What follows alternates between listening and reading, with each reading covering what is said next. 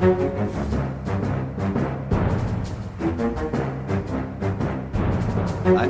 Nei, men Da eh, kjører vi i gang med en ny utgave av Aftenpodden. Tilbake i studio. Vi er på plass alle tre. Det er Trine Eilertsen, hallo. Hallo. Sara Sørheim, hei sann. Hei. Ja, hei. hei. Og jeg er Lars Glomnes. Eh, tilbake fra Arendal. Eh, godt Yes. plassert i Oslo-gryta igjen. Utrolig fornøyd med å ikke være kjempesyk. Pleier alltid å få sånn Arendalssjuke. Eh, Blir intenst forkjøla. Men nå er jeg bare sånn lettere, lettere forkjølt til orientering. Ja. Så det er en seier. Og så kan jeg si, Det var, var heldigvis var veldig mange som, eh, som eh, lyttet til podkasten i forrige uke. Da var det mye drama, mange ting som skjedde i eh, det lille, den lille politiske andedammen i Norge. Uh, nå er vi tilbake til det vi må kalle en klassiker av en Aftenpodden-utgave. Ja. Vi krysser av på et reformhjørne. Ja. Uh, vi skal snakke om objektsikring.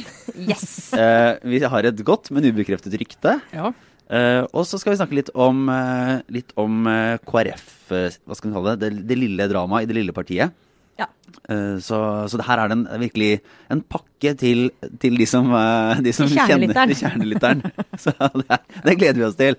For her er det mye som skal, skal ordnes i. Men vi starter jo da med litt, litt reform. Ja. Trine Eilertsens reformhjørne tilbake Ja. etter en liten dvale. Liten dvale. Um, og det er alle disse reformene tikker og går, og så av og til skjer det ting, og da må vi ta en runde. Og Aldri hvile. en av de reformene vi har brukt minst energi på, og det er det jo gode grunner til, det er jo regionreformen. Ja.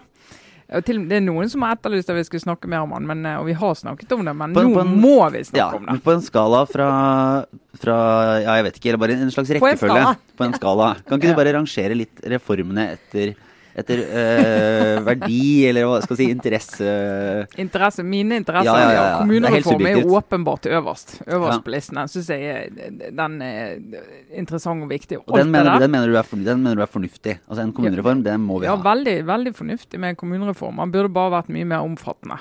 Eh, og bare skjedd for lenge siden og alt det der. Regionreformen er eh, det kan jeg si. Da jeg jobbet i BT i Bergen på Vestlandet for eh, ti år siden, da vi hadde rød-grønn regjering, da var vi veldig opptatt av regionreform. Og sett fra Bergen og de andre store byene utenfor Oslo, så er det et veldig viktig tema.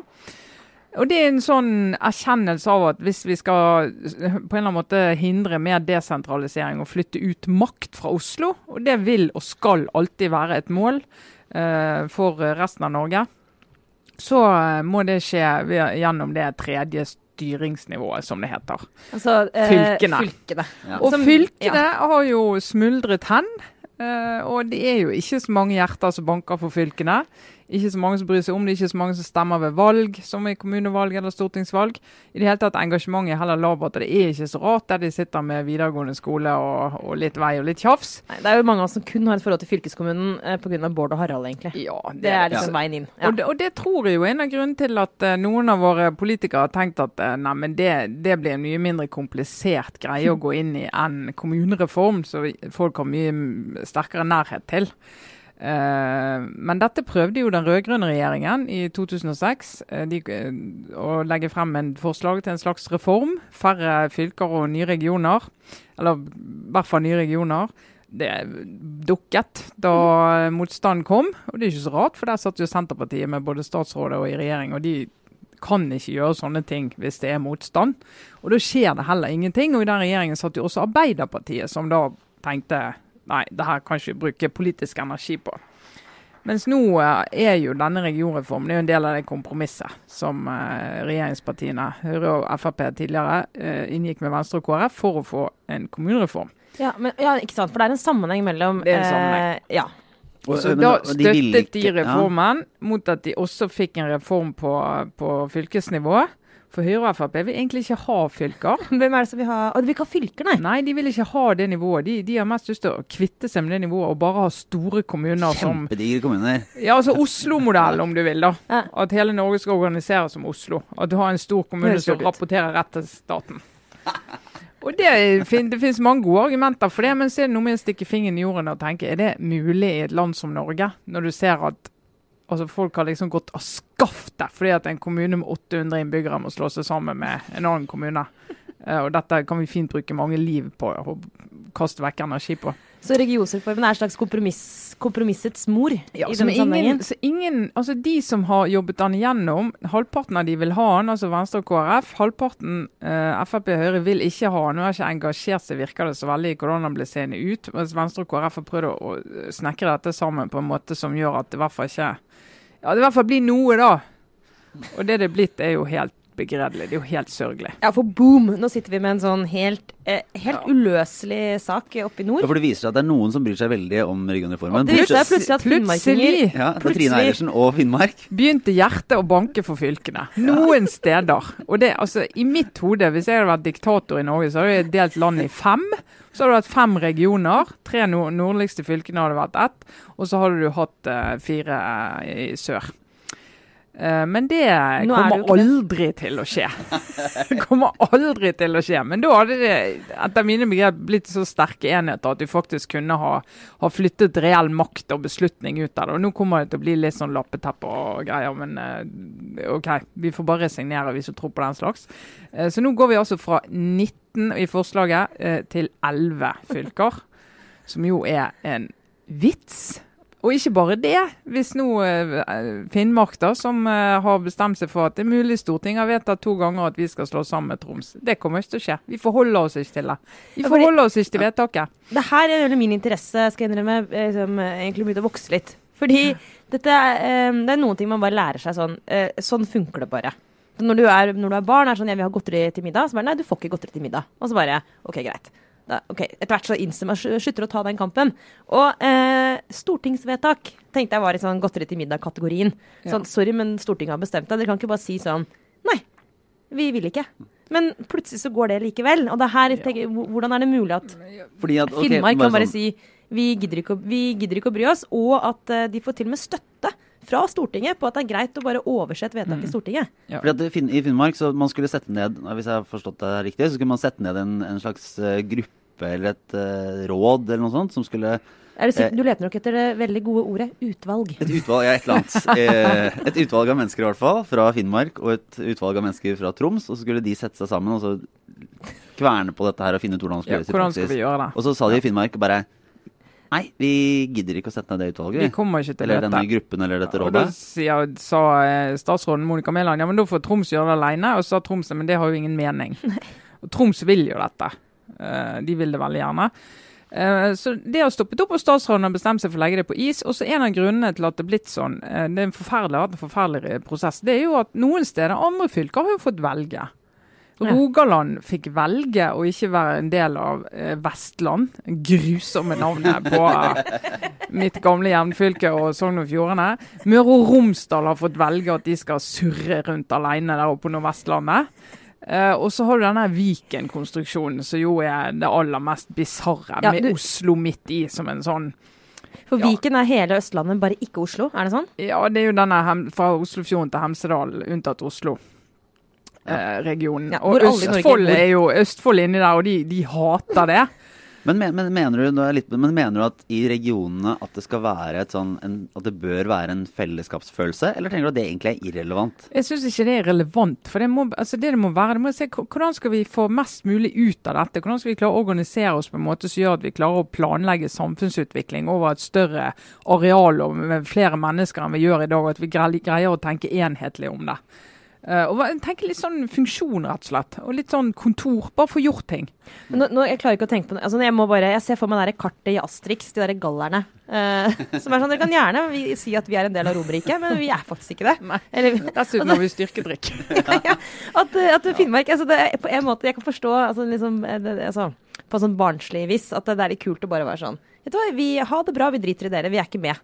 Men, eh, men liksom, om det i praksis ender opp sånn, da, at de bare blir tvangssammenslått, men ingen anerkjenner den Hva, hva, hva, slags konstruksjon er altså, det, Trine? Hva kan skje nå? Det som kan skje, og det alle venter på, er jo hva KrF gjør som vanlig. Og det er jo et parti som Ja, da må vi vente eh, Når lenge. du får eh, masse kjeft, så pleier de å få helt noia og bare tenke å, upopulær, upopulær, orker ikke, orker ikke. Så nå gjør de som de gjør i alle saker, og sier at det åpner for at de kan snu. Eh, og, blir det bare, og, da- og da signaliserer de jo bare, bare mas litt til, så, så, så, så snur vi.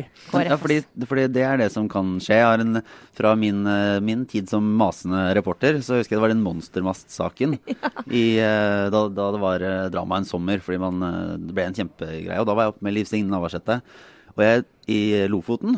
Og da kan jeg, jeg kan forstå at jeg var en sånn irriterende reporter som gikk og maste. Vi var på en fjelltur. Jeg tror du må være sykt irriterende, faktisk, Det- når du er sånn. Det, det kan jeg også levende forestille meg. Så da, da var vi på en tur som ellers var kjempehyggelig, og det var supert vær og helt så vakkert. Men da var det den derre For da hadde de begynt i Senterpartiet og masse om at sånn Ja, vi kan Det kan noen ville at det skulle snu, men hva sier da partilederen? Og så var det sånn Ja, kan dere snu? Kan dere, Er det faktisk mulig? Kan det komme ny informasjon? Som var jo sånn, og til slutt så kom det jo en sånn derre Litt sånn Ja, hvis det skulle skje et eller annet, så kan det jo hende at vi på et tidspunkt vil måtte revurdere det. Åpne for å snu. Ja! Ja, To sider i VG. De snudde jo da. For det, Ja, ja, ja, det var jo helt sant. sånn, det var jo, eh, visste jo at det var sånn det var. De Ja, og jo sånn og sånn fungerer det jo. Sånn fungerer Sånn det. fungerer det jo. Og det som eh, KrF har sagt, er, og det er jo òg en annen sånn stor feil med denne prosessen, i tillegg til at noen fylker fikk velge og noen ble tvunget, og ja, det bare skaper mye eh, rom for trøbbel, det er jo at de har sagt at OK, først så deler vi inn, og så skal dere få vite hva, hva disse, dette nye nivået skal bruke, brukes til, hva oppgaver de skal løse. Om de får flere oppgaver, om mer flyttes fra staten til eh, fylkene. Og Da sier KrF at nå skal vi vente og se på hva som kommer. Eh, Hagen-utvalget la frem sitt forslag i vår. Eh, Nå skal vi vente og se hva som kommer. Eh, og så, hvis vi ikke er fornøyd med det, så kan vi snu. Og Jeg har jo sagt, og jeg skal jo være veldig forsiktig med å spå, men jeg, jeg vil ikke forundre meg om KrF, uansett hva som kommer, sier nei, dette er for dårlig, så vi snur. Ja. Og så blir de liksom de som reddet eh, Men, men, eh, eh, Finnmarks frihet, da. og da i Men da er reformen egentlig ødelagt. ja. Da er egentlig reformen ødelagt, fordi at eh, da eh, kan du si ja, OK, Finnmark får stå alene, og så kan de andre si Trøndelag f.eks. har jo en helt eh, nydelig sammenslåing med sang og det hele. Som vi har snakket om før her i poden. Fantastisk. Ja.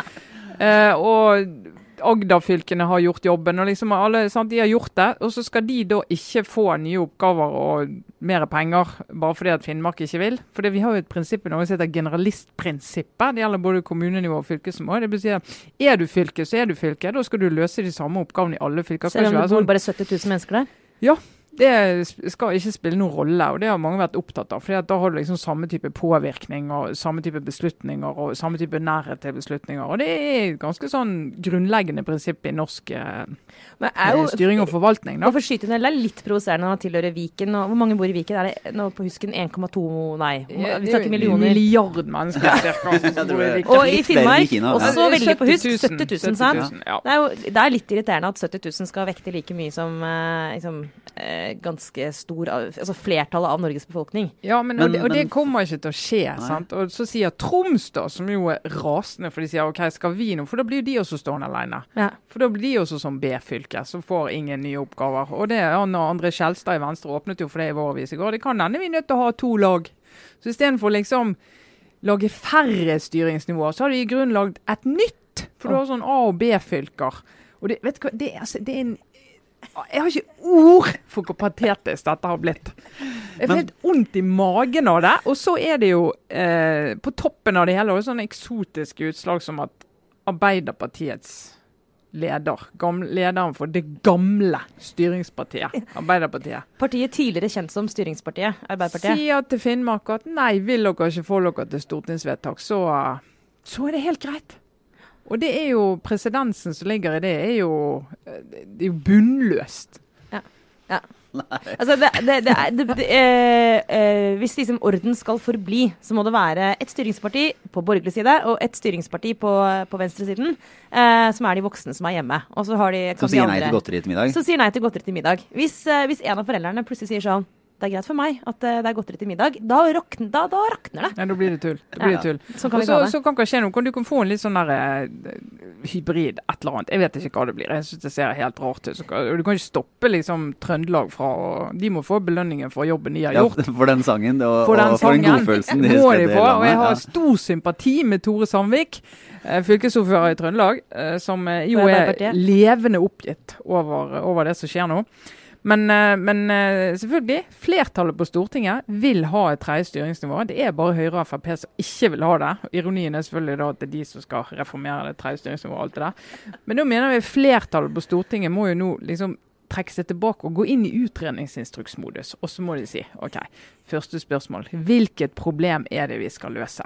Hvis vi har lyst til å spre makt og styrke demokratiet og liksom styrke de regionene, hvordan skal vi gjøre det? Back to basic? må, ja, de må rett og slett finne ut hvordan de skal gjøre det. For det, det her er å bare liksom la det stoppe nå i en sånn der låst situasjon som ikke blir noe av, det gagner ingen. Og det er veldig dårlig gjort mot de der ute som faktisk har jobbet for dette og ønsker det. Og det er mange. Der, der, der, Fikk du tømt deg nå, syns du, Ja, Trine? det var, det var, det var solid nå. Jeg, har jeg har lært mye av det. Jeg må innrømme at jeg har, jeg har ikke- det er ikke av de sakene som jeg har hatt sånn høyest tenningsnivå på. Nei, men da kjenner jeg, jeg Eh, kjenner men at jeg er klart klar det var opplys, opplysende. Ja. Men eh, det er jo eh, fra det ja, sånn store geografiske til det mer personlige. fordi KrF har jo ikke, de har mange valg å ta. Og de skal jo både bestemme seg for, for side i politikken og om Nei, Pontius regionreformen. Ganger en silion. Det er mange vanskelige ting. Og I tillegg til det så har de jo da klart i løpet av sommeren å pådra seg en jeg skal si, Det er et problem uh, som ikke kunne oppstått i så mange andre partier. Eh, men det er jo da tvisten rundt det faktum at familiepolitisk talsmann Geir Jørgen Bekkevold, som også er teolog, har vært i bryllup i sommer og viet da eh, partiets lesbiske eh, kommunikasjonssjef. Ja. Med en eh, partner av samme kjønn. Ja, ja derav Så for å si det på den Derav- helt utrolig nøytrale ja. ja, og det har blitt en Og det har jo medført eh, masse trøbbel og utmeldinger. Eh, over 100 som skal ha meldt seg ut av KrF i protest mot at da eh, en av deres eh, egne har viet eh, et lesbisk par. Og grunnlaget er jo at KrF har, var blant de det. Altså hvordan var det egentlig det brøt ned? I hvert fall de sa nei til, til ekteskapsloven. Ja. Ny Plikten i dag, ny ekteskapslov. ekteskapsloven. Men så har de jo som en slags sånn kompromiss med virkeligheten, og så har de sagt at vi skal ikke jobbe mot, mot den. Og vi er for at folk som velger å, leve sammen, skal gjøre det i en forpliktende ramme. Ja, så det er som sånn, de hei, Så Først og fremst de, altså de, de heier på det forpliktende samlivet. Altså ikke ligge rundt. er Ja, bra. det, ja, det er, Eh, det er Det, grunn- det er en også- grunnstein. Ja. Eh, Og så var det vel- er det jo en formulering da i partiprogrammet som er, som er omtrent som at vi skal løfte frem eh, ekteskapet mellom mann og kvinne. Altså De prøver å fremsnakke på en sånn liten måte altså, Altså, det var helt sikkert noen som tenkte så- at nå har vi funnet et kompromiss som Ja. er veldig bra. Dette var en veldig elegant måte å løse dette på. De For de har jo revet gjøre- partiet i, i mange år. De prøver å si at det, eh, vi syns at ekteskap mellom mann og kvinne er det beste, men vi syns ikke at det er dårlig på noe, å gjøre det på en annen måte. Altså Det er den, derre- sånn, den balansegangen der. Men de klarte å få en, en formulering i programmet sist som Ja. på en måte faktisk da balanserte dette ut sånn så godt som det lot seg gjøre. Retorisk. Ja. Retorisk, men det viser seg jo at eh, når det kommer til stykket, så er det ikke eh, enighet om det partiet, og det er en brennbar sak for dem. Og det er helt utrolig at det egentlig er det. Men det er det. Og da prøver de seg på en forklaring som vi har hørt i norsk politikk en stund, eh, som jo er at Bekkevold er teolog og prest, og hans da prestegjerning og liksom teologisk tolkning, det skal ikke partiet legge seg borti. Så han er ikke familiepolitisk talsmann som i utgangspunktet har ansvar liksom, for å løfte fram eh, Løfte fram forholdet mellom mann og kvinne. Eh, Nå var han prest og gjorde sin ting. Mm. Og så da lurte jeg på, Vi har jo snakket en del om det skillet bl.a. i Fremskrittspartiet og med Per Sandberg, som jo har prøvd seg på mange privatpersoner, statsråder, Nestleder. eh, nyforelsket. Altså veldig mange ulike roller. Det eneste jeg har sympati for, deg er at et nyforelsket eh, Den faktisk veldig mye er eh, Det trumfer. Det er greit. Så for en liten periode, så Av alle hotter. ja. Men eh, jeg bare lurer, er, det, er det mer logisk å eh, gjemme seg bak den ansvarsdelingen for KrF? Altså, eh, jeg mener sånn logisk, logisk. Inni hodet og hørte Knut Arild Hareide på Politisk kvarter i dag, og jeg syns han svarte godt for det. Eh, Det er godt og det er prinsipielt, og han prøver å forklare det at KrF det er et politisk parti. Det er, jo, det er jo ikke en menighet, og de forholder seg ikke til teologiske spørsmål og vil at det skal ligge i de teologiske miljøene. Eh, og det kan han forklare så godt han bare vil. Det er bare det at det når ikke frem dit det skal nå frem. Fordi at Selv om eh, KrF de kvittet seg med bekjennelsesparagrafen eh, for noen landsmøter siden. Det betyr at du trenger ikke å si at eh, du er tror for å få lov å være medlem i KrF. Og de sa ok, vi er nødt til å skille. Du kan faktisk jobbe for KrF sine saker uten å Ja. bekjenne deg til tro. Fordi at vi, vi, vi er en partiorganisasjon. Men så er det det at grunnfjellet i KrF, veldig mange av de er i KrF og stemmer på KrF for at de skal dra Norge i en eh, Reaksjonær retning. Nei, ja, Det vil du si, men i en, en retning der for kristne verdier blir, eh, blir eh, mye tyngre vektlagt. Og i de miljøene der så er altså homofile ekteskap Det er det, fun det funker ikke. Det går bare ikke. Ja, men de- vi skal jobbe mot det. reelt, Fordi ja. de skal jobbe mot det. Og da, er det litt sånn, da kan liksom de jeg å si, proffe politikerne og sitte og lage litt partiprogram og, og, og sitte på Stortinget og tenke prinsipielt, og nå er du prest, og nå er du stortingsrepresentant og familiepolitisk talsmann og sånn. Fordi de bare 'Hallo, hører ikke hva du sier', fordi at dere drar, bidrar til å dra Norge i en retning som vi ikke ønsker. Mm. For mange grunnfjeller. Og dette er også en illustrasjon på, på den avstanden som er mellom de Kall det sentrale Oslo-KrF-ene, altså de som sitter nå her. Selv om du har flere i stortingsgruppen også som har reagert på Bekkevold. Og en del av det som er velgergrunnlaget til KrF. Og det er jo derfor, derfor er en av grunnene, en av de mange grunnene egentlig. men dette skal vi, vi har jo lovet å komme med en egen KrF-spesial. Det må vi jo ha i høst når det nærmer seg. Ja. Og jeg lurer på om KrF ikke skulle bare legge ned som parti og bli en organisasjon. Ja. Og så si det at grunnen til at vi finnes, det er at vi skal løfte frem verdispørsmål. Og i vår tid Med en eh, tenketank. En, ja, Tenketank Ja, godt bli. Så, og, og lobbyister. Fordi de er opptatt av, og der de utgjør, kan utgjøre en forskjell. Ut forskjell. Sånn innenfor sånn bioteknologi f.eks. Og en del av den type spørsmål. Og der de liksom altså er en sånn viktig stemme inne i debatten, men veldig mange andre saker. altså Objektsikring og arbeidsliv og alt det der. Så kan de andre partiene kan ta det. De kan ta det. Og det trenger ikke KrF til det. Så nå, og Det er et parti som så vidt klarer å bokse og holde liv i seg sjøl rundt 4 hos sperregrensen. Jeg tror ikke de kommer så veldig mye over det, og det er naturlige grunner til. Ja, det ikke, men, men Knut Arild. Hareide sier han var jo jeg, jo, jeg hadde jo et intervju med han på denne mediebåten i Arendalsuka. Uh, og han, uh, han svarer jo iherdig, han, og, og snakker om at uh, liksom, partiet er liksom, ja, Det er nesten viktigere noen gang å løfte fram verdier og spørsmål som, som andre partier ikke tar, tar, tak, liksom, tar tak i, eller som syns er så viktige, og ting som ellers glemmes i politikken.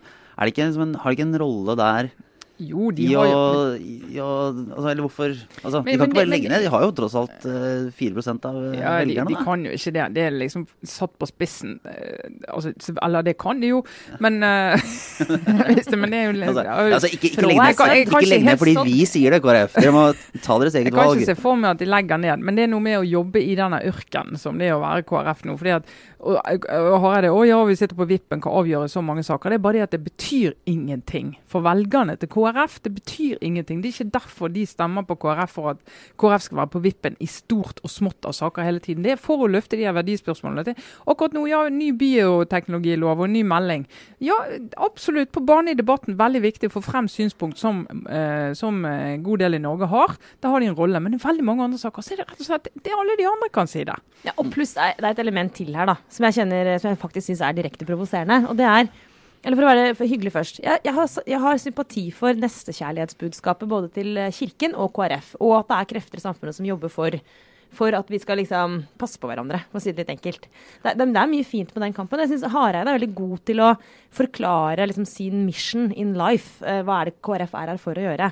Men det er bare det at det klinger så utrolig hult.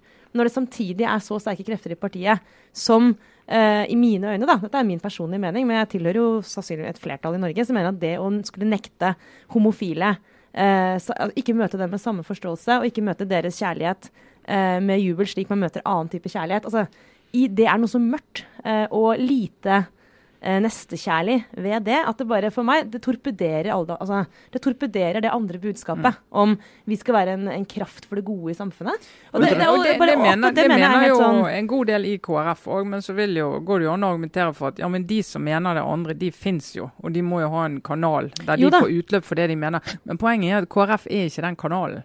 For de jobber ikke mot Nei. ekteskap. Og så lenge, den kanalen, og så lenge det behovet for å ha den kanalen er der, så undergraver du jo også minutt for minutt eh, partiledelsens prosjekt. Altså eh, Hareides prosjekt, som da tydeligvis ikke representerer mange nok av medlemsmassene, eh, og det for åpen scene utspiller seg sånne type dragkamper, så, så, så betyr det bare at den eh, Det er på en måte en, en partiledelse med helt feil medlemmer, da. Men kunne, kunne hva, en, Man snakker jo nå om faren for at mister liksom grunnfjellet. Det er jo, Da er det snakk om en Eller, grunn, eller grunnsvaberget. Eller, En eller annen sånn eh, En gruppe som, er, som har veldig klare meninger, og på en måte er tradisjonelle alltid KrF-velgerne, da. Mm. Men er det åpenbart negativt å skulle bare si til den gruppen at sånn Ja, men vi representerer ikke dere lenger. Nei, det er det dere mener. Det er ikke Men- men Vi er ikke det partiet, sånn at eh, det må dere bare leve med. Det er ikke sånn trenger ikke også kompromisse og liksom begynne å bli sånn Drive med retorikk for å få med alle sammen. Man bare sagt sånn Nei, men vi er Men det, det, der er det der er faktisk det en diskusjon i KrF. Jeg snakket med en uh, sentral uh, KrF-politiker eh, før sommeren i forbindelse med en del av de utmeldelsene de hadde i Bergen. Eh, og Det var jo politikere som gikk til Maria Molto og, og en del som gikk til uh, de kristne. Og så går langt steg inn i en mer sånn uh, konservativ kristen eh, retning. Og Da sa jo han at eh, ja, altså hvis vi For en del av de vi mister, og noen som melder seg ut, så er det andre som melder seg inn, fordi Ja. at de opplever oss som mer åpne og mer eh, i takt med vår tid. da. Sånn at de er klar over at de kanskje på et eller annet tidspunkt er nødt til å tåle en ganske kraftig avskalling. Mm. Eh, for å klare å nå nye medlemmer. Og Den avskallingen tror jeg kan komme. Spørsmålet er om de klarer å nå de nye. Ja, Om det skjer tidsnok. Og det er jo ingenting som tyder på det akkurat nå, i hvert fall. De, de snakker om noen hundre sammen. De har hva var det, 24 000 medlemmer, og så snakker vi om sånn opp og ned med 80 medlemmer. Det er jo ingenting, sant. Og så kan vi da også komme tilbake til en gammel klassiker. Vi har, vi har jo vært litt dårlige til å følge opp postene våre tidvis. Ja, det, ja, vi er ikke så gode på det. Nei, og den, eh, vår favorittpost, altså det vi egentlig er mest interessert i Det vi egentlig er her for. Ja, Ja. er jo den gode gamle eh, gode, men ubekreftede rykter. Ja. Som alle har til felles at de er helt sanne. Ja. Eh, men som er ting vi har plukket opp, og som kan være av eh, ja, mer kuriosa, kan sies. Men, kuriosa, eh, men sannsynligvis av allmenninteresse. Ja, Altså, det er vår-. Absolutt allmenninteresse. Altså, vi Men- trenger ikke å sikte mot alle. Vi kan sikte mot interesse her inne i vårt lille, Ja, og så- lille fellesskap. Det er ikke sikkert det når gjennom på viktighetskriteriet når vi skal publisere ting på cellulose. Ja, Det er ikke det holder, sikkert. det holder vanligvis ikke til en sak. Uh. Nei, men eh, vi har et, eh, et godt, men ubekreftet rykte. Vi har jo Sandberg-saken har vi jo så å si lagt bak oss. Eh, men det er jo mye vondt blod i partiet nå. Eh, og det som eh, skal være tilfellet, det er at Per Sandberg var skuffet over mange. En av de han var mest skuffet over i denne prosessen, det var Christian Tybring-Gjedde. Som var veldig tidlig og veldig hard med å si at denne her Iran-connection til. Per Sandberg, det går bare ikke. Og det er sånn, nå har han sånn, signaliserte egentlig for hele Norge at nå har han mistet det. Ja. Uh, og han, det skal være en litt sånn bitter uh, tone der. Og så vet vi at han eh, har gått gjennom en bitter skilsmisse fra Line Miriam Sandberg, statssekretæren. eh, som eh, har eh, Ja, hun har engasjert seg underveis og egentlig vist frem at eh, hun har synspunkter på alt som har skjedd. Altså, kan det- bare skyte inn før du forteller videre. Det som jo var noe av det tristeste og morsomste som har skjedd altså, Privatsfæren lekker ut på sosiale medier, var jo da et bilde hun la ut. Offentlig eh, på. Offentlig på sin, offentlig på sin Facebook-side. Det kan ikke ha vært helt tilfeldig. Av eh, en bil full av skrot. Hvor hun skrev sånn Så deilig å få rydde, endelig få rydda litt i huset. Eh, og øverst i den Det mye rusk og rask. Mye rusk og rask som er godt å bli kvitt. Og øverst i den skrothaugen lå veldig synlig eh, Levanger, fotballskjerfet, til hennes da tidligere mann. Så det fins masse bilder av Sandberg som, eh, som står og holder opp, eh, holder opp Levanger-skjerfet. Ja, med så det er ingen tvil om at uh, her er det mye dårlige følelser. Og det, er jo, det er jo, går jo an å forstå. Det, ikke, men, men det som har skjedd, det er at Line Miriam har skaffet seg en valp. En skjønn valp som hun legger ut bilder, bilder av i sosiale medier, og som sønnen leker med. og Det er en nydelig sånn opptur for dem. Og Det som viser seg, er at denne valpens mor det er hunden til gjedda. Til Christian Tybring-Gjedde. Det ligger sånn valpediplomati. Det er jo Så det er um, Hvis, eh, hvis eh, Sandberg er sur på gjedda, og det skal du ikke se bort fra at han er, og at det kommer, han kommer tilbake til det i boken, han kommer med et utfall mot han i Arendal òg, så hver gang han skal innom og hente et gammelt skjerf eller noe sånt, så kan han møte en valp som er født i huset til gjedda. Det er vanskelig, å- vanskelig å være sint på en valp, da, for, uh, Ja, for det familiebakgrunn. Så det Ja, må det er det. Så kanskje, kanskje det er dette som skal til. Ja. Men dette var liksom, det er på en måte sånn uh, litt vanskelige private relasjoner opp i en høyere enhet, når også hundene blir en del av, uh, Ja. av dette. Var det en historie om at eh, Angela Merkel er så redd for hunder? Og i et møte med Vladimir Putin Ja. så hadde Putin med seg En en kjempehund. kjempehund. hund. sånn Men at Angela Merkel er redd for hunder, er også helt sånn bisart. Altså, Ja, ja, liksom, verdens sterkeste kvinne, men Ja. livredd for bikkjer. Ja. Det, er, ja, det er, eh, kan, kan brukes til eh, mye. Eh, vi må jo ha en liten runde for å rydde i begreper. Er det, det, er, det du er så glad i på Facebook, er det ikke det? Nå må det ryddes litt i debatten. Oh, ok, kan, jeg bare, kan jeg bare si en setning om det? Ja. Det er de verste folka. Ja. Altså, eh, man bør jo ikke bruke livet sitt på å sitte på Facebook og irritere seg, men så gjør man jo det likevel. uh, og hvis det er en oppheta debatt, det jeg har litt sansen for, er folk som bare liksom tømmer seg. Og det kan være underholdende å lese. Men de verste er, og dere vet hvem dere er, de jeg snakker til nå. De kan ikke nevne navn, men jeg kan nevne navn. Så kommer sånn halvveis i en debatt og hvis vi henger seg på med å, sånn, eh, med å skrive verdens lengste Facebook-post, hvor de sier sånn Nå må det ryddes litt i debatten. La meg, dette unikummet av et menneske som har totalt oversikt, og som representerer fasiten, bare for å rydde opp i sånn, en ti-tolv punkter, eventuelt sånne stjerner, eh, hvor, du, hvor du egentlig kommer med et meningsinnlegg, Ja, ja. eh, men hvor det fremstår som Det er egentlig litt sånn Støre-trikset, faktisk. Det er jo sånn, ja, så er det det mansplaining fremstår- eh, de luxe, da. Selv om det ikke bare er menn som gjør det. Langt ifra. Det er, ja, det er rett og slett bare alt jeg hater med sånn Altså, jeg elsker krangling, men bare folk som later som de er et leksikon, når de egentlig bare eh, kommer med en mening. Ah! Slutt med det. Slutt med det. Der mener jeg Facebook sin algoritme bør gjøre en jobb. Altså, Ja. når, et innlegg begynner med sånn bare for å rydde litt, så bør det bare bli sletta Og derfor eh, går vi til fasit i Derfor så blir det vel litt. Ja.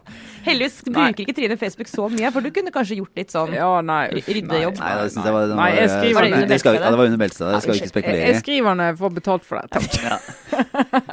Men vi skal snakke om, for det som er det store denne uka som kommer, er jo dette spørsmålet om objektsikring. Eh, og Der har man klart å få til et apropos sånn retorikk og hva man skal kalle ting. Det her har de klart å få et begrep på det som dreper all interesse. Ja. Ja, med det, Det, det kan jeg avsløre at det går langt langt inn i redaksjonen hvor vi jobber med dette må vi jo skrive om, for det er viktig, og det kan bli krise, politisk krise.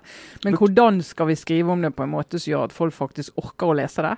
Eh, og jeg har eh, jobbet med å lese meg opp og snakke med folk om dette. og og så- men det er jo som med mye annet, så det er jo interessant når du bare kommer gjennom den der eh, litt, muren ja. av begreper. litt tabloid, så kan man jo kalle det altså terrorsikring. Ja, det, det man skal- kan man veldig tabloid kalle det, men nå kommer jo også det til å bli en debatt, bare for å varsle om det. Men eh, ja, vi skal ta skikkelig sånn ingressaktig gjennomgang. Etter 22.07 så ble vi opptatt av å sikre landet mot eh, terror og angrep. Eh, det var vi opptatt av før òg, eh, men ikke så veldig synlig og tydelig. Vi snakket aldri om det. Men siden har vi jo knapt da har vi snakket om det hele tiden. Og regjeringen har fått i oppdrag og tatt på seg at dette skal de ordne opp i. Og noe av det de skal sikre, det er sånn eh, vesentlige eh, institusjoner, holdt jeg på å si, politi og forsvar, da, særlig at deres eh, bygg og sentraler og viktige steder for de skal være sikret sånn at ikke en terrorister kan eh, Og da snakker vi om fysisk sikring. Sånn, Sette opp eh, sperrer og ja, det, det er jo det vi snakker om nå. Og det er jo det, også er det sånn eh, Riksrevisjonen kritiserte regjeringen to ganger for at uh, har ikke kommet langt nok, har sagt at dere var i gang med ting, er ikke kommet så langt som dere sa dere var. Og ikke bare kritisert sånn dette kan dere gjøre litt bedre. Ganske sånn Dette er dypt alvorlig. Dette, ja, dette kan sant? koste liv. Veldig, veldig dypt eh, og heftig kritikk. Og det, og det skal jeg nå i kontrollkomiteen, og det er høring nå på mandag for andre gang. For det var høring i fjor òg, etter den andre rapporten. Nå er det høring for andre gang, og det er selvfølgelig veldig alvorlig at det er en ny høring i kontrollkomiteen om dette. Der eh, statsministeren, forsvarsministeren, justisministeren eh, blant andre skal møte komiteen og svare på spørsmål om hvorfor ståa er sånn som ståa er. Så det er litt sånn bakteppe. Ja, og pluss at en av grunnene til at vi snakker om det, også vi som ikke er sånn helt og kjempeopptatt av objektsikring i utgangspunktet, er jo også at det er en mulig Altså Støre har liksom vært litt frempå, og det går an å se for seg altså Hvis man venter på en sak løpet av høsten hvor Arbeiderpartiet kanskje skal prøve å lage Eh, altså eh, litt helvete, sluttrykket. Eh, kanskje til og med Vi hadde jo, vi refererte tidligere vår eh, friend of the pod, eh, og også ikke-venn. for ikke fornærme noen nå, eh, tidligere spinndoktor eh, Sigbjørn Aanes, som, som, som, argumenterte for at Støre og Arbeiderpartiet kom til å prøve seg på å ta regjeringsmakten, og at de venter bare på en sak hvor de kan gjøre det. Og da er denne ja. en av de som nevnes som en mulig sånn sak som, som, kan utløse dette. Det er derfor egentlig flere enn normalt er interessert i ja, problematikken. I, i denne saken, og, og, KrF har jo også uh, gått uh, veldig sånn hardt ut i denne saken og sagt at dette er helt ekstremt alvorlig. Det er Arbeiderpartiet og KrF som er interessante uh, sånn sett i denne saken. deres holdning og, og, hvor langt vi går, hvor hardt de, de vil gå. Sånn. Så det blir, jo, det blir, jo, spennende å se hvor de legger seg på mandag. da. Men så er jo det, også dette er jo et tema som er, det er gedigent. Uh, og skal, jeg skal prøve å skrive litt om dette her, i håp om at både jeg og andre skal forstå litt mer ut av det. Men en del av de sikringstiltakene vi snakker om nå, det kommer jo med utgangspunkt i den gamle sikkerhetsloven vi hadde i Norge. Så var litt sånn, Det var veldig sånn fysisk. Vi må ha liksom gjerder der, vi må ha soldater der, vi må liksom sikre Mens en svær debatt som egentlig ikke er inni der, så jeg tror vi knapt kommer til å berøre på mandag òg, det er jo hva er moderne terrorsikring? Altså Nytter det å ha et gjerde rundt eh, en bygning som styrer en eller annen form for infrastruktur? Hvis det sitter en hacker i Russland og bare går inn og stenger det ned, så kan jo de stå der og tenke at eh, har noen tenkt å kjøre inn i mm. denne her med lastebil, så står nå jeg her, og så den lastebilen kommer aldri. Og det er veldig sånn kan få, Dette kan lett bli en sånn debatt om eh, eh er Norge trygt eller ikke. Mm. Og Hvis du skal opp med alvorlighetsnivået, så er det sånn Klarer regjeringen å passe på oss eller ikke? Og Da kan kritikken bli at det gjør de ikke. Men dette, det er så mange lag i det, og det er veldig komplekst. Og for ikke minst veldig, veldig dyrt. Og så er det bare en ting det som gjør at det kan være litt vanskelig tilgjengelig, og det kjenner jeg på sjøl, er at disse objektene det er, jo, det er, jo, av forståelige grunner hemmelig hvilke objekter som er for dårlig sikra. Sånn at Man vil jo ikke si ja. at ja, eh, her og her og her er det bare å gå inn og gjøre faenskap. Sånn at de, vi vet jo ikke hvilke, hvilke, av, hvilke, objekter det er snakk om. Og så kan det endre seg med trusselvurderingen. Og si det at du sier at uh, politiet sin operasjonssentral er et uh, typisk objekt som noen kunne være interessert i å slå ut hvis de skulle angripe Norge. Ja, så må du liksom sørge for at det får de ikke til. Du kan sette opp murer og gjerder og alt det der. Uh, men hvis noen bare sier at datasystemene der inne ikke virker lenger, mm så, så, trenger ikke du det gjerne. Men det du må ha, du må ha en annen sentral som en gang kan komme opp og gå som en sånn slags nødaggregat. Uh, og det, det, liksom, det er veldig veldig svært og veldig komplekst. Og så får de, uh, får de, det sa jeg i sted òg, og det merker jeg når jeg ikke vet hva jeg skal si, så sier jeg stort og komplekst. Ja. en sånn go to-argument. Ja, ja, go to-argument. Det er stort og komplekst. For ja. du så liksom Ja, ja det er så stort og komplekst at det er litt vanskelig å rydde. Jeg, jeg vet det, det var liksom Mens jeg tenker, kan jeg si det. Nå kan jeg avsløre det. det er en sånn metode. Men, eh, Men det kan skyte inn. Det er stort komplekst og dyrt. Ja, ja, og de vet ikke hva det koster. Når de begynte med dette, og noe av kritikken de får var ja, men dere hadde jo en tidsfrist, og dette skulle være orden til 2015, og det skulle være på stell. Så var det sånn Ja, men var, da var det ingen som hadde sånn begrep om hvor omfattende det var, hvor mye det skulle koste. Altså, Vi hadde ikke det, og det fly, flyter litt hele tiden. Og du må utrede. Hallo, utredningsinstruks. Må vi finne ut hva er det vi skal sikre, hvorfor skal vi gjøre det, og hva skal det koste? Og Finnes det andre måter å gjøre det på? Må alltid spørre om det. Og det tar jo utrolig lang tid. Ja, så regjeringen vil nok prøve å forklare at grunnen til at vi får denne kritikken, det er bl.a. at dette er mer komplekst enn vi trodde. Og så vil opposisjonen si ja, men det minste dere må gjøre, er jo å informere om det, da, og så forklare i detalj hvorfor det er. Ja, for Problemet er jo i så fall at, at uh, regjeringen og stortingsflertallet altså man har ikke fått vite om disse forsinkelsene, eller at det er så komplisert. Ja, vil, kritikk, altså, kritikken vil jo ligge på det og si at ja, vi kan jo ikke ha en regjering som, som får et vedtak i posten fra Stortinget, og så sier ja, det, det, er vi med på, men det er så veldig vanskelig, så vi kan ikke helt gjøre det sånn, vi må gjøre det sånn. Da må du i hvert fall melde tilbake. da, sant? Mm.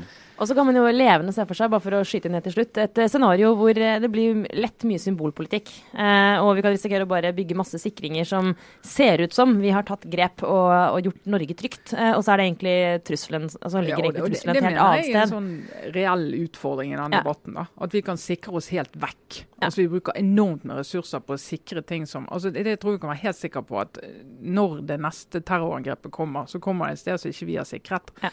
Uh, og Erna Solberg sa jo til og med det var det i fjor. Hun sa det at uh, det som er paradokset, er at jo mer vi sikrer av sånne offentlige forsvar og politi, altså de som faktisk skal beskytte oss, eh, jo, jo, jo mer eh, kan vi regne med at angrepene kommer mot myke mål, Ja. sivile. Og så ser vi jo i Europa òg. Altså det er jo liksom terrortrendene liksom. jo at du går mot altså Uten at det er en kausalitet i det. men at det er jo, ok, Vi kan ikke angripe de, men det er jo veldig lett å angripe de, og så får du de der eh, blomsterpottene på Karl Johan. Men du kan ikke sikre alle gatene. Altså, det, det er liksom noe med hele den diskusjonen som er veldig uhåndterlig og svær. Men uh, nå skal vi i hvert fall følge med. Blir det politisk krise og mulig regjeringsskifte, eller ikke? Vi har vel litt eh, obligatorisk refleksjon også denne uka. Jeg kan egentlig bare begynne. jeg. Ja. Eh, fordi eh, Siden vi var inne i eh, sånn praktiske eh, ting. Jeg vil bare gi en oppdatering. Jeg hadde jo for eh, i vår så gikk jeg inn i den, eh, det politisk brennbare tiltaket med beboerparkering i, eh, i Oslo sentrum. Gjorde Eh, du konsekvensjournalistikken. ja, ja, nå må jeg tenke at jeg må følge opp det. For det, som jeg sa den gang, eh, det er et veldig sånn, konkret grep som tas, som går utover min lommebok. eh, og min parkering. Eh, fordi jeg ga meg som styreleder i borettslaget. Bare For en lykke. Da mista jeg parkeringsplassen min, så da må jeg finne, finne parkering ute i gata. Eh, dommen over, eh, over det tiltaket kommer her og nå, foreløpig. Ja. Det har vært kjempesuksess. Kjempesuksess. Ja, jeg Du, har- du får parkering For meg personlig Ja. så har jeg selvfølgelig vært de pengene, fordi jeg kan parkere rett utafor hver eneste dag. Aldri måtte lete. Men hvis du husker hva jeg sa til deg den gangen, jeg sa det her kommer til å gå kjempebra. For vi har jo på vestkanten har jo hatt beboerparkering litt lenger enn dere der borte Ja, på andre siden. Og, og som jeg også sa forrige gang, Bergen har vi hatt det i en generasjon. Ja, Bergen den ultimate vestkant, hvor alt starter. Nei, men vi, det, eh, På Briskeby i Oslo funker eh, beboerparkering altså så bra. Jeg er kjempefornøyd med det. Det er rett og slett en god løsning Så hvis dette eh, holder seg, nå, nå regner jeg med da at vi har så stor gjennomslagskraft på Rodeløkka at uh, mange vil strømme til å kjøpe bil, og så blir det et helvete igjen. Ja. Men uh, det, det, det lever jeg med, for de skal i hvert fall ha, ha det. da. Foreløpig på min lille personlige tue så har det fungert. Er Så det er en oppdatering der. Ellers så vil jeg bare anbefale det som kanskje er min uh, favorittdokumentarserie på Netflix. eh, Last Chance You, som handler om amerikansk collegefotball. college-fotball. Høres veldig sært ut, men det er et virkelig portrett av et eh, lite samfunn. Og der har det nå kommet en ny sesong. Så jeg har sett den første sesongen om igjen, og det er så bra. Ok, Kanskje jeg Eh, trenger noe For jeg har rota meg inn i, i Westworld igjen, eh, sesong to. Og eh, jeg, jeg vet ikke om det er verdt det, altså. Det er altså så, et så sinnssykt rotete og komplisert plott at jeg, jeg blir nesten litt sprø. Altså, kanskje Nei, det, det, Westworld fikk jeg sånn sci-fi-følelse av, så det går ikke egentlig. Nei, Nei, Trine, Nei. Trine stay det. away. Det er Ja. ikke noe for deg, for å si det sånn. Jeg tror i hvert fall dette er, er da en eh, historie fra, fra amerikansk collegefotball, men du trenger ikke å være interessert i Men jeg er, i, jeg er interessert i amerikansk fotball. Jeg har brukt mye tid på det, faktisk. Jeg var i, i New York og så Giants vinne Superbowl eh, for noen år siden. Og eh, eh, brukte kvelden før eh, finalen på lærereglene. på en bar. Men hvor bartenderen Ja. eh, med hjelp av små mynter og fyrstikker eh, lærte meg og søsteren min reglene. Eh, og på en så utrolig kul måte, bl.a. med en heftig illustrasjon av The Helmet Catch, som dere kan slå opp på internett. Eh, som gjorde at jeg ble, og fortsatt er, eh, rett og slett interessert. Ja, men Da må du, da må du se dette. Last Ja. Chance You. Eh, og nå har det kommet det har vært to sesonger fra én skole, og så har det kommet en tredje sesong fra en annen skole. Det er liksom seks-syv episoder i hver. College, eh, eh, College-serien er jo der de henter talentene til. eh, Opp Ja. til liksom den ordentlige. Og denne handler om, om en skole som, som plukker en del ungdom med hatt litt problemer andre steder. Setter det sammen til et kjempelag. Og så må de, må de liksom prestere og se hvordan de kan få orden på livene sine. Da.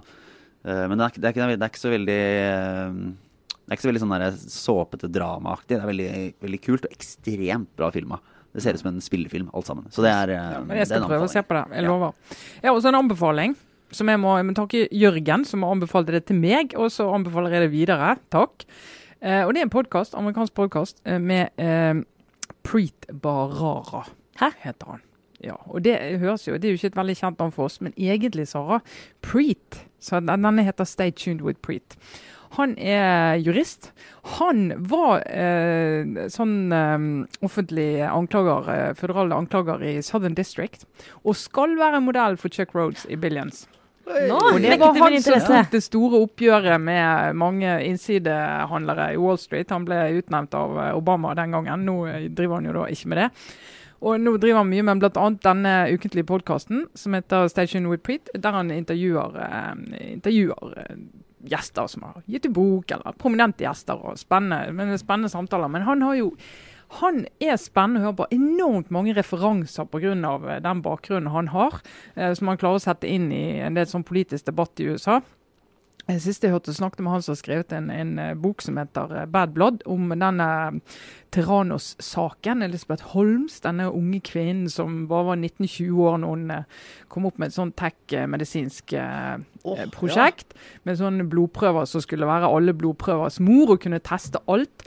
Eh, klarte å dra inn milliarder eh, med investeringsmidler. Hadde liksom eh, Kissinger og Mattis, forsvarsminister Mattis, nå forsvarsminister, i styret sitt. Veldig mange store profiler i styret sitt. Og viste seg å være en kjempeskam, hele greien. Oh. Og en av de store, store sånn eh, hva skal jeg si, digitale tech, medtech-skandalene i USA. Og hele denne, Hvordan kunne dette pågå så lenge uten at noen skjønte at det var uh, fake, og at de ikke hadde et ordentlig produkt for markedet. Uh, men han som har skrevet den boken, er, la oss intervjue da, Preet i denne sendingen. og det, og Han jobber i Wall Street Journal. Eh, og forteller eh, fantastisk mange morsomme anekdoter om arbeidet med den saken. Blant annet så hadde de jo eh, Rupert Murdoch som eier Wall Street Journal. Han var også aksjonær i det selskapet. Så hun, eh, Elizabeth Holmes som var leder selskapet, hadde sagt, bedt Rupert Murdoch om å stoppe saken i Wall Street Journal. For den var ødeleggende for de, Noe han ikke gjorde. Sant? Og da bare sier jeg jøss, Rupert ja. Murdoch. Ja, så, dette... Takk skal du ha! Det var pressemannen, altså. Ja. Fantes en pressemann langt der inne. Mm. Ja, så, så den uh, Preet uh, anbefales. Stay tuned with Preet. Stay tuned with Preet. Preet, altså P-R-E-E. -E, sånn indisk uh, bakgrunn, da. Fint. Sara? Du, jeg har reflektert litt over, over ordbruk, jeg. Eh, rett og slett eh, post Arendalsuka. Jeg har jo kommet meg etter Arendalsuka, eh, faktisk. Det føler meg egentlig helt fin. Men sitter, noe sitter i noen traumer. og det ene er altså Det som jeg følte var sånn peak Arendalsuke. Eller egentlig bare peak Uh, all pjatt i norsk offentlig ordskifte. Det var ett arrangement. Og jeg måtte faktisk sjekke nå at det skjedde i virkeligheten, for det er nesten føles som en drøm. Eller et mareritt, da. Men det er Jeg må bare si med en gang, jeg var ikke der. Eh, det skulle, hadde jeg aldri giddet å gått på. Ja. Men jeg føler bare det at det, det fins. Så det kan være eh, kjempebra og relevant. Det kan ha vært en game changer av ja, et arrangement. Det kan ha vært helt genialt. det kan ha vært. Bare som en disclaimer. ja, altså det kan ha vært det. Det kan ha vært det. Men det kan bare ikke hete det det heter. Nei, det, det, het... bare, det heter Det het Det grønne skifterommet for norsk sirkulærøkonomi. Og liksom at, at, havrommet og det grønne skiftet skulle eh, på en måte ligge sammen og bli til det grønne skifterommet, det, det, det orker jeg ikke at eller skjedde. Der, ja, eller høyreordet mulighetsrom, som er på, høyt på lista over mine Det kunne klart det grønne mulighetsskifterom. Her er det, det er ikke helt utbrukt, egentlig. Det er muligheter i det grønne skifterommet. Da har ja. ja. muligheter i det grønne skifterommet. Det, det ja. Ok, Litt skuffa over det. Det er halvveis, det er halvveis seminar i Arendal, halvveis erotisk novelle. jo, men det er jo litt sånn Arendal er. Halvveis, halvveis seminar, halvveis uh, andre ting. Uh, Snakk for deg sjøl. Ja, men det er jo Øyafestivalen for uh, folk i organisasjonslivet. Ja, Uansett. Uh, men, men, men, det er ikke bare jeg som har vært opptatt av retorikk i Arendal. Så jeg bare si også at jeg syns egentlig det var ganske interessant. Jeg leste um, ideen Anne Cecilie Kaltenborn i NHO, Service er det vel hun leder, uh, var i en debatt på Arendalsuka skrevet om det. Fordi hun var i en debatt med Per Olaf Lundteigen og ikke overraskende så kom han i skade for å, å, sleive ganske mye i den debatten. Og kalte vel noen av de eh, avtalene som NHO har i arbeidslivet. Det var en, en, debatt om regulering av arbeidslivet. Han beskrev det vel som ugress og søppel. Eh, ja, og selskaper og eiere som parasitter. Ja. ja. Eh, og eh, Kaltenborn har et poeng, da, syns jeg, og det er at eh, i, det, i det politiske ordskiftet så er sånn, sånn type ordbruk eh, ikke greit. Det er ikke det at det, altså, jeg, så, jeg, så, faktisk den debatten før vi gikk i studio. Det er noen minutter jeg ikke får tilbake i livet mitt. Men jeg, jeg, å, men jeg gjorde faktisk det. Jeg ser at Kaltenborn slår veldig hardt tilbake på Lundteigen. Um, Anniken Hauglie, statsråd, er også i, i, panelet og er mer sånn humoristisk. Og det er selvfølgelig bra noen ganger å bare møte sånn barnslig pjatt med humor. Men jeg syns det er litt bra at Kaltenborn likevel velger å ta det helt seriøst og si at den formen for politisk retorikk Eh, det fins andre folk som andre representanter for det.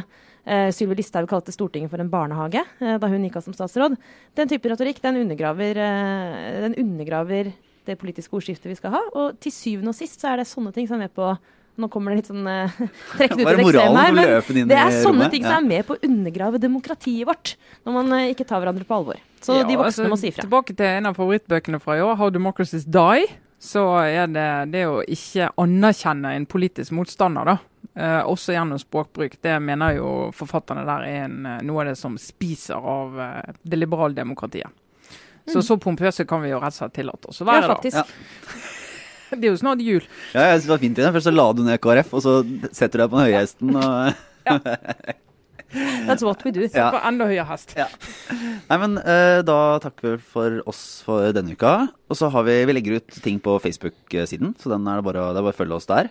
Og så er det jo også i iTunes og alt mulig, så kan man gi sånne ratings. Ja, vi blir veldig ting. glad for det. Det blir vi veldig glad for. Det har vi glemt å si på lang, lang tid. Og kanskje det nå kan eh, gis en boost igjen, som sender oss til topps forbi Tusvik og Tønne. Ja, Det er den drømmen vi bærer på. Å komme Ja. forbi Tusvik og Tønne på, på Ja, ja, er- eller i hvert fall sånn, eller i hvert fall puste dem i nakken. Vi får ha litt Ja. realistiske mål her, kanskje. En Ida med hjertet i hånden og sånne andre sånn, Det som er veldig nært. Vi må, Ja, men vi klarer ikke å konkurrere med alle de psykologi-psykopodkastene. Psyko er det store. Ja. Det er det som gjelder nå. Da kan vi si at Folk vil høre om hvordan de har det. Vi kan høre om hvordan vi har det. Ja. Nei. Er det én ting vi ikke skal gi råd om, så er det altså, der, mental balanse. og- mental helse. Der er ikke vi i Aftenposten ikke- noen eksperter. Nei. Nei, det, det skal vi ikke påberope oss. Men vi takker for oss for denne uka, og så er vi tilbake neste. Ja. Da er det vel mer høring og sikkert mer KrF. vi får nå se. Uansett, takk for oss. Ha det bra.